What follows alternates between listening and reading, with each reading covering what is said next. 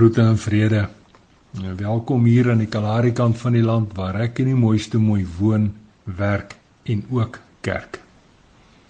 Vandag se storie se naam soos 'n paar dae. Ek lees vir ons uit die Nuwe Lewende Vertaling Genesis 29 die 20ste versie.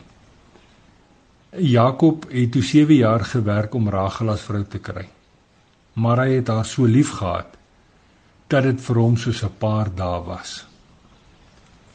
Maart 2020 se inperkingsafkondiging het elkeen in ons land geraak. Almal, en sommige is dalk meer as ander, se daaglikse rotine en doen dinge is dramaties beïnvloed as gevolg van hierdie nuwe normaal. Gevolglik kan ek nie mooiste mooi nou van ons normale doen dinge op ander tye aanpak. En dit is alles te danke aan die nuwe huisluisreëls. Met dit in gedagte het ek een vroegmiddag met my Bybel en my oranje koffiebeker in die koelte van die Kapekkie sentrum vir die son gaan wegkruip. Ek wou weer Jakob se liefdesverhaal lees.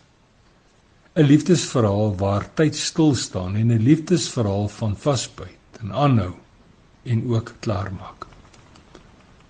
Sommige nog terwyl ek lees, sien ek met my binneste oog hoe Jakob en Rachel by die waterput ontmoet, gevolg deur die gesels en natuurlik die soen.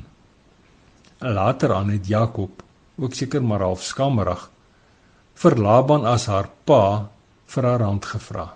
'n Moeilike onderhandelinge volg met die harde werklikheid dat hy 7 jaar lank vir Rachel moes werk.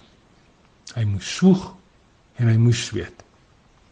Hierdie 7 jaar het vir Jakob soos 'n paar dae gevoel want Rachel is die liefde van sy lewe. En daarom was hy dink en sy doen dinge op haar gefokus. Tyd kry vlerke en so breek die groot dag aan, hulle huweliksdag. Die dag waarop hy haar sy vrou kan maak. Maar Laban, sy slinkse aanstaande skoonpa, bedrieg hom en Rachel se ouer suster Leah word sy eg. Nog onderhandelings vind plaas wat op daardie stadium vir Jakob seker soos 'n ewigheid gevoel het. 'n Ooreenkoms word bereik en 7 dae later word Rachel Jakob se vrou. En volgens die bepalinge van hierdie ooreenkoms moet hy 'n verdere 7 jaar vir haar werk, 'n periode wat sekerlik soos 'n paar dae gevoel het. Rustig sit ek agteroor, maak my Bybel toe en vat nog 'n slukkie uit my oranje koffiebeker terwyl ek terugdink aan gebeure van blou jare gelede. Dit voel soos 'n paar dae gelede wat ek in die mooiste mooi tydens 'n spesifieke oggenddiens hande gevat het en in stil sweye na mekaar gekyk het. Ons het soos twee inspan donkies gelyk besef dat hy met ons praat. Die skepper van hemelgoed en stofaarde sê gedeponeerde liefde wat diep in ons menswees brand was net te veel om die prediker se laaste stelling te ignoreer. 'n Stelling wat op daardie oomblik net vir my en die mooiste mooi bedoel was. Die Here vra: Wie sal ek stuur? Wie van julle sal gaan? Diep in ons binneste binne het ons geweet wat ons moes doen meer as 2 dekades tussen nou en moontlik die beste besluit wat ek in die mooiste mooi nog ooit geneem het.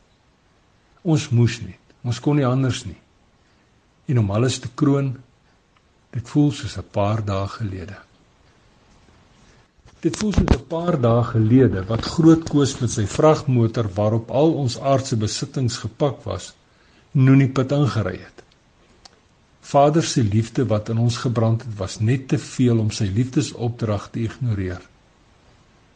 Sy opdrag aan ons om by van die vergete en alleen mense in die Kalahari te gaan stil staan en hulle raak te leef met sy liefde. Honderde weke en duisende dae het verbygegaan. Maklik was en is dit nie, maar ons moes nie, ons kon nie anders nie en om alles te kroon voel dit soos 'n paar dae gelede. Die skepper van hemelgoed en stofaarde is liefde en lewend tydloosheid. 'n Wêreld waar tyd geen waarde of geen bestaansreg het nie. Daarom was is en bly hy altyd die eerste, die alfa, die begin en ook die laaste, die omega, die einde. daarmee saam is hy ook alles tussen die begin en die einde. Dit geld vir alle gistertye, asook vir vandag en verseker vir die totale toekoms. Daarom het hy ons altyd lief. Gee hy waarlik om en dink sonder ophou aan my en aan jou. As ons hom, onsself en ander werklik liefhet, deur om te gee en so vasgevang te word in die dinkdinge van ons binneste binnes of die doendinge van ons hande, beleef ons 'n klein proeseltjie van hierdie ewigheid.